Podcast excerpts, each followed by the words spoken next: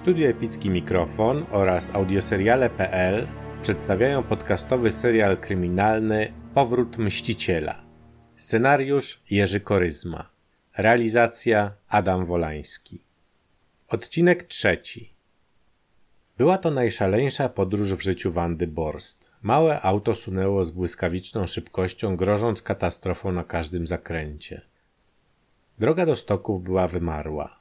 Miedziany księżyc uśmiechał się bezmyślnie. Na firmamencie bladły gwiazdy. Wstawał szary brzask. Na progu willi przywitała Wandę ciotka Felicja. Jedno spojrzenie upewniło dziewczynę, że przybyła za późno. Skamieniała i chwyciła starą kobietę za ramię. Słowa uwięzły jej w krtani. W tej chwili zjawił się w holu doktor Zatorski, lekarz domowy Borstów. Chciałbym porozumieć się z pielęgniarką, powiedział zaciągając się dymem papierosa. W głosie jego wyczuć można było silne zdenerwowanie. Było ono zrozumiałe, skoro się miało na uwadze niedawną diagnozę Zatorskiego, który zapewniał wszystkich domowników, że niebezpieczeństwo minęło i Borst będzie teraz wracał do pełnego zdrowia. Ciotka Felicja, przyzwyczajona do wypełniania wszystkich bezadresowych zleceń, wstała z krzesła i bez słowa skierowała się ku drzwiom. Doktor Zatorski tymczasem, nie dostrzegając podnieceniu przybyłej przed chwilą Wandy, zwrócił się w kierunku Kosterskiego, który również znalazł się w holu. Wyraźnie zapowiedziałem, że iniekcja. Kosterski wyrazistym gestem powstrzymał Zatorskiego od dalszych wynurzeń i zwrócił jego uwagę na skuloną w fotelu Wandę. Dziewczyna wydawała się na wpół tylko przytomna i szklistym wzrokiem wpatrywała się w kwadraty posadzki. Wobec tego przejdźmy do salonu, mruknął zaaferowany doktor. To absolutnie zbyteczne. Wanda mówiła głosem drewnianym, jak gdyby pogrążona we śnie hipnotycznym. Skoro Państwo mówicie o przyczynach śmierci ojca, chciałabym wszystkiego wysłuchać. Zdaję sobie sprawę z ogromnej własnej winy. Gdybym nie uchylała się od obowiązku opieki nad ojcem. Otóż właśnie, zapalił się Zatorski, któremu zależało wyraźnie na tym, żeby się usprawiedliwić w oczach Wandy. Domyślałem się, że będzie pani sobie z tego robiła wyrzuty. Mam wrażenie, że to zupełnie niesłuszne. Oświadczam szczerze, że nie wstydzę się optymistycznej diagnozy, która wpłynęła na uspokojenie pani. Stan dyrektora był naprawdę zupełnie zadowalający. Za chwilę wszystko, co mówię, zostanie niewątpliwie potwierdzone. Chciałbym tylko poprosić tu również panią dyrektorową. Jadwiga Borstowa leżała w salonie na szezlongu, trzęsąc się w ataku histerii. Asystował jej oczywiście Turwit, przy którego pomocy udało się ją trochę uspokoić i przeprowadzić do holu. Muszę Państwu zadać szereg pytań, oświadczył doktor Zatorski. Czy pani dyrektorowa czuje się na siłach? Panna Wanda wyraziła już gotowość do wysłuchania mnie. Wszystko to nie zdoła wprawdzie niestety przywrócić zmarłemu życia, ale przyczyni się do wyjaśnienia kilku niejasnych punktów. Jadwiga Borstowa skinęła głową na znak gotowości i stłumiła łkanie. Zapanowało milczenie pełne trudnego do zniesienia napięcia. Czekano na indagację, której charakteru nikt nie znał, ale każdy zaczynał się czegoś domyślać. Nie tyle z okoliczności wypadku, ile ze złowrogiej atmosfery. Doktor Zatorski wyjął z kieszeni zegarek i zaczął. Po raz ostatni widziałem dyrektora Borsta wczoraj o godzinie siódmej wieczorem. Żadnych groźnych objawów nie dostrzegłem, jakkolwiek nie ulega wątpliwości, że stan ogólny chorego uległ pewnemu pogorszeniu. Przypisywałem je jednak zdenerwowaniu. Sam dyrektor zapewnił mnie, że musi przeprowadzić pewną rozmowę, po której niewątpliwie poczuje się lepiej. Ponieważ, jak sam powiedział, zamierza na dzień następny, to jest na dzisiaj, wezwać do siebie pannę Wandę, wywnioskowałem, że pogorszenie jest przejściowe i minie po rozmowie z córką. Dyrektor zwierzył mi się zresztą, że robi sobie pewne wyrzuty, ponieważ nie był sprawiedliwy w ocenie postępowania panny Wandy. Wanda wcisnęła sobie do ust chusteczkę, tłumiąc przemocą łukanie. Nie uszło to uwadze doktora. Proszę mi wybaczyć, kontynuował medyk, że rozwodzę się w tej chwili nad sprawami tak bolesnymi, pragnę jednak usunąć wszelkie niejasności. No więc biorąc to wszystko pod uwagę, powtórzyłem wczoraj opinię, jakoby panu Borstowi nie groziło żadne bezpośrednie niebezpieczeństwo. O godzinie ósmej dzwoniła do mnie pani Felicja z wiadomością, że chory zasnął. Był to objaw pomyślny. Następny telefon miał miejsce o godzinie pierwszej w nocy, ale wówczas stan był już agonalny. Istotnie, skinęła głową pani Jadwiga. To ja dzwoniłam o pierwszej. Słychać było wyraźnie, że szczęka przy tych słowach zębami. A więc wobec tego, rzekł doktor głosem stanowczym, Chciałbym wiedzieć, kto czuwał przy chorym między godziną ósmą a pierwszą w nocy.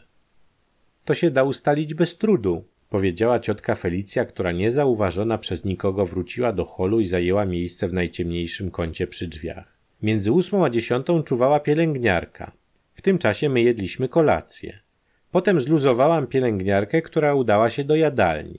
Była bardzo zmęczona, a ponieważ czekała ją jeszcze noc przy chorym, poradziłam jej, żeby po posiłku zdrzemnęła się nieco. Do chorego zajrzała tymczasem Jadwiga, ale nie bawiła tam dłużej niż przez piętnaście minut. Wreszcie przyszła kolej na Seweryna. Istotnie, byłem tam około wpół do dwunastej, potwierdził Kosterski. Potem znowu zajrzałam ja, ciągnęła dalej Felicja. Chory wołał mnie i wciąż dopytywał się o Wandzie. Koniec końców zdecydował się do niej zadzwonić. Przyniosłam mu z holu telefon. Po rozmowie telefonicznej nie odzyskał już spokoju. Przeciwnie, był coraz bardziej podniecony i wciąż na nowo prosił, żeby nikt mu nie przeszkadzał w czasie rozmowy z Wandzią. Wtedy właśnie zjawiła się pielęgniarka, która orzekła, że choremu trzeba zrobić zastrzyk. Słusznie, powiedział Zatorski, ważąc każde słowo. Kazałem choremu zrobić zastrzyk, jeżeli będzie miał noc niespokojną, ale tylko jeden. Wanda zerwała się z miejsca, jak gdyby uderzona biczem. Co pan chciał przez to powiedzieć, doktorze? szepnęła zdławionym głosem. Tymczasem nic, po prostu stwierdziłem, że wszystkie ampułki z morfiną potłukły się. Oczywiście mógł to być przypadek. Pielęgniarka po zastrzyku zachowała się niezręcznie. Nie wyciągam z tego żadnych daleko idących wniosków, ale myślę, że podwójna dawka morfiny byłaby dla chorego śmiertelna. Dlatego chciałbym natychmiast pomówić z pielęgniarką. Przebiera się właśnie i będzie tu za chwilę, oświadczyła ciotka Felicja. Nie wierzę jednak, żeby ta dziewczyna popełniła podobną nieostrożność. Jest to osoba bardzo doświadczona. Zamówiliśmy ją zgodnie ze wskazówkami pana doktora w lecznicy Alfa w Warszawie. Ja sądzę, że sprawa wyjaśni się, bąknął doktor zapalając nowego papierosa. Upłynęła chwila, która wszystkim obecnym wydawała się nie do zniesienia. Sześć par oczu utkwiło w drzwiach, za których wyjść miała pielęgniarka, ale drzwi były wciąż zamknięte. Wreszcie nerwy odmówiły Wandzie posłuszeństwa. Wrócę za chwilę! krzyknęła, zrywając się z miejsca. Kiedy zniknęła za drzwiami, zaskoczeni jej zachowaniem doktor i Kosterski wymienili znaczące spojrzenia. Przestali się jednak dziwić, kiedy po trzech minutach Wanda wróciła. Była śmiertelnie blada i chwiała się na nogach. Pielęgniarki już nie ma. Wyjechała przed pięcioma minutami. Czekało na nią auto, oznajmiła drżącym głosem.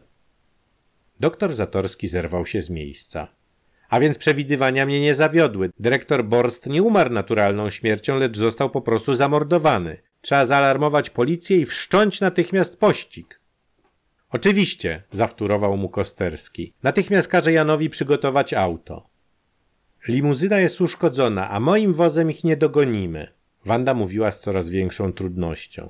Czuła, że jakiś potworny ciężar ugniata jej oczy i mózg. A co się tyczy Jana, Jana w tej chwili znaleziono przy furcie ogrodowej. Właśnie go wnoszą. Leżał tam z rozpłataną głową. Nie rozumiem, co to wszystko znaczy. Może go unieszkodliwiono, bo chciał przeszkodzić pielęgniarce w ucieczce. Chciała coś jeszcze powiedzieć, ale nie starczyło jej sił. Przed oczyma widziała ogniste czerwone kręgi. W mózgu rozstrzelał się jakiś diabelski młyn. Widziała żółtą, nieruchomą twarz zmarłego ojca ale już po chwili twarz ojca przesłoniła okrwawiona głowa Jana. Oczy Jana poruszały się. Nie, to nie jego oczy. To rozhisteryzowane spojrzenie Jadwigi. I znów wszystko zmętniało. Pozostała tylko ta najstraszliwsza świadomość, że ojciec padł ofiarą zbrodni, której można było uniknąć, gdyby tylko nie uchyliła się od moralnego obowiązku czuwania nad nim.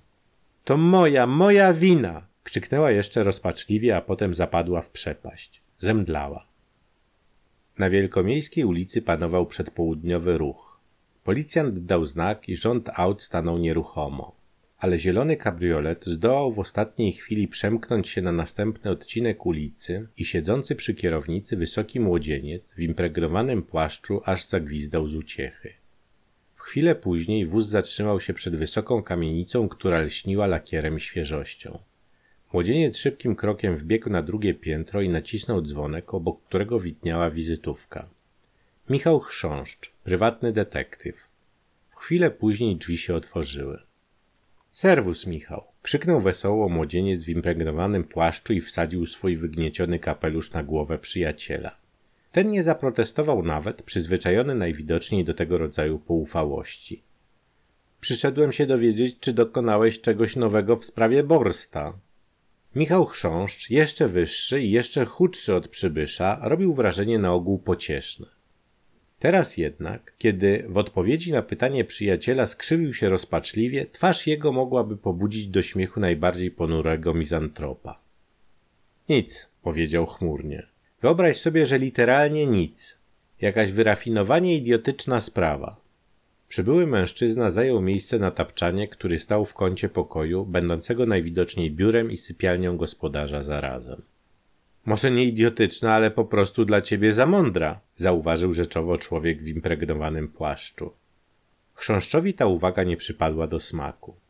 Idiotyczna to jest tylko moja przyjaźń z tobą, oświadczył cierpko. Przede wszystkim zdejmij płaszcz, a powtórę uprzedzam cię, że jeszcze jeden tego rodzaju przytyk, a wywalę cię na zbitą twarz. Właściciel kabrioletu roześmiał się beztrosko. Nie po to chyba przyjechaliśmy z Ameryki do starego kraju, żeby tutaj skończyć z przyjaźnią. Uspokój się, stary, i nic nie rób sobie z moich złośliwości. Jestem po prostu ogromnie ciekaw tej sprawy. Chrząszcz najwidoczniej pałał ochotą do zwierzeń, przystąpił bowiem do opowiadania.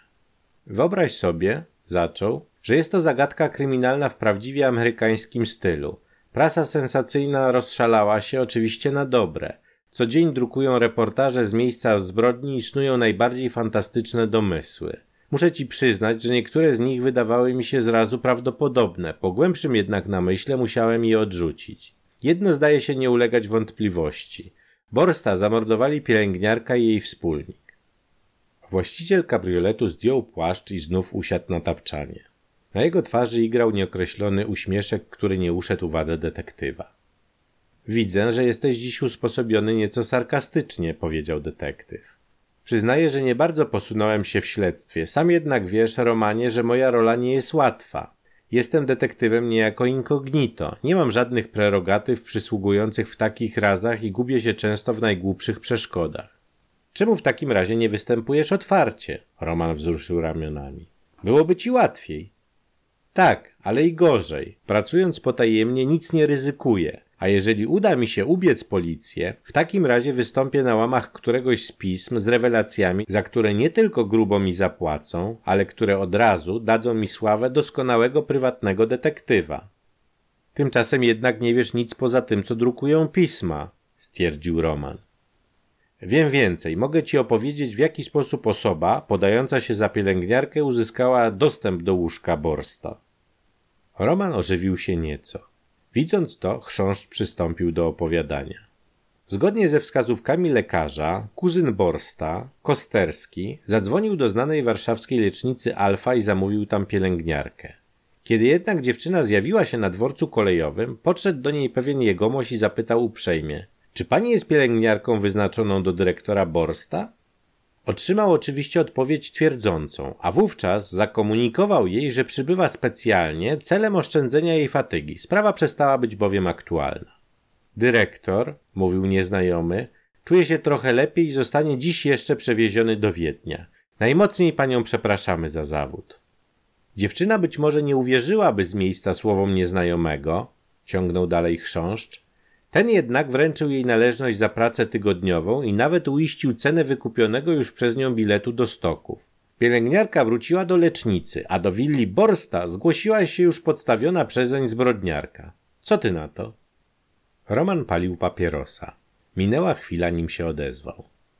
Prawdopodobnie zrekonstruowałeś ten wypadek dość wiernie. Nie rozumiem jednak, w jakim celu pielęgniarka miałaby mordować Borsta. Zaraz i to zrozumiesz uśmiechnął się z zadowoleniem detektyw. Pewne pojęcie o motywach zbrodni dają zeznania szofera Borstów, który, jak sobie może przypominasz, został dotkliwie poraniony i tylko cudem uratowany od śmierci.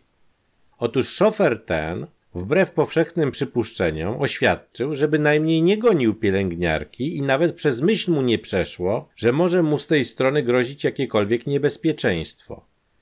Borst chciał koniecznie zobaczyć się z córką, która jednak, mimo danego ojcu przyrzeczenia, nie zjawiła się w stokach. Oczywiście dyrektor nie domyślił się, że ktoś w jego imieniu odwołał przyjazd dziewczyny. Kiedy panna Borst nie zjawiła się, chory nabrał przekonania, że córce przytrafił się wypadek samochodowy. Wówczas zawołał kierowcę i polecił mu wyjechać limuzyną naprzeciw. Potem przywołał go raz jeszcze i korzystając z tego, że w pokoju nie było właśnie nikogo, wręczył mu medalion z poleceniem wręczenia go córce. Zapamiętaj to sobie dobrze. Wręczył go szoferowi, a nie wspomniał o tym żadnemu z domowników. Zapowiedział przy tym, że o medalionie tym nie powinien nikt wiedzieć, z wyjątkiem panny Borst.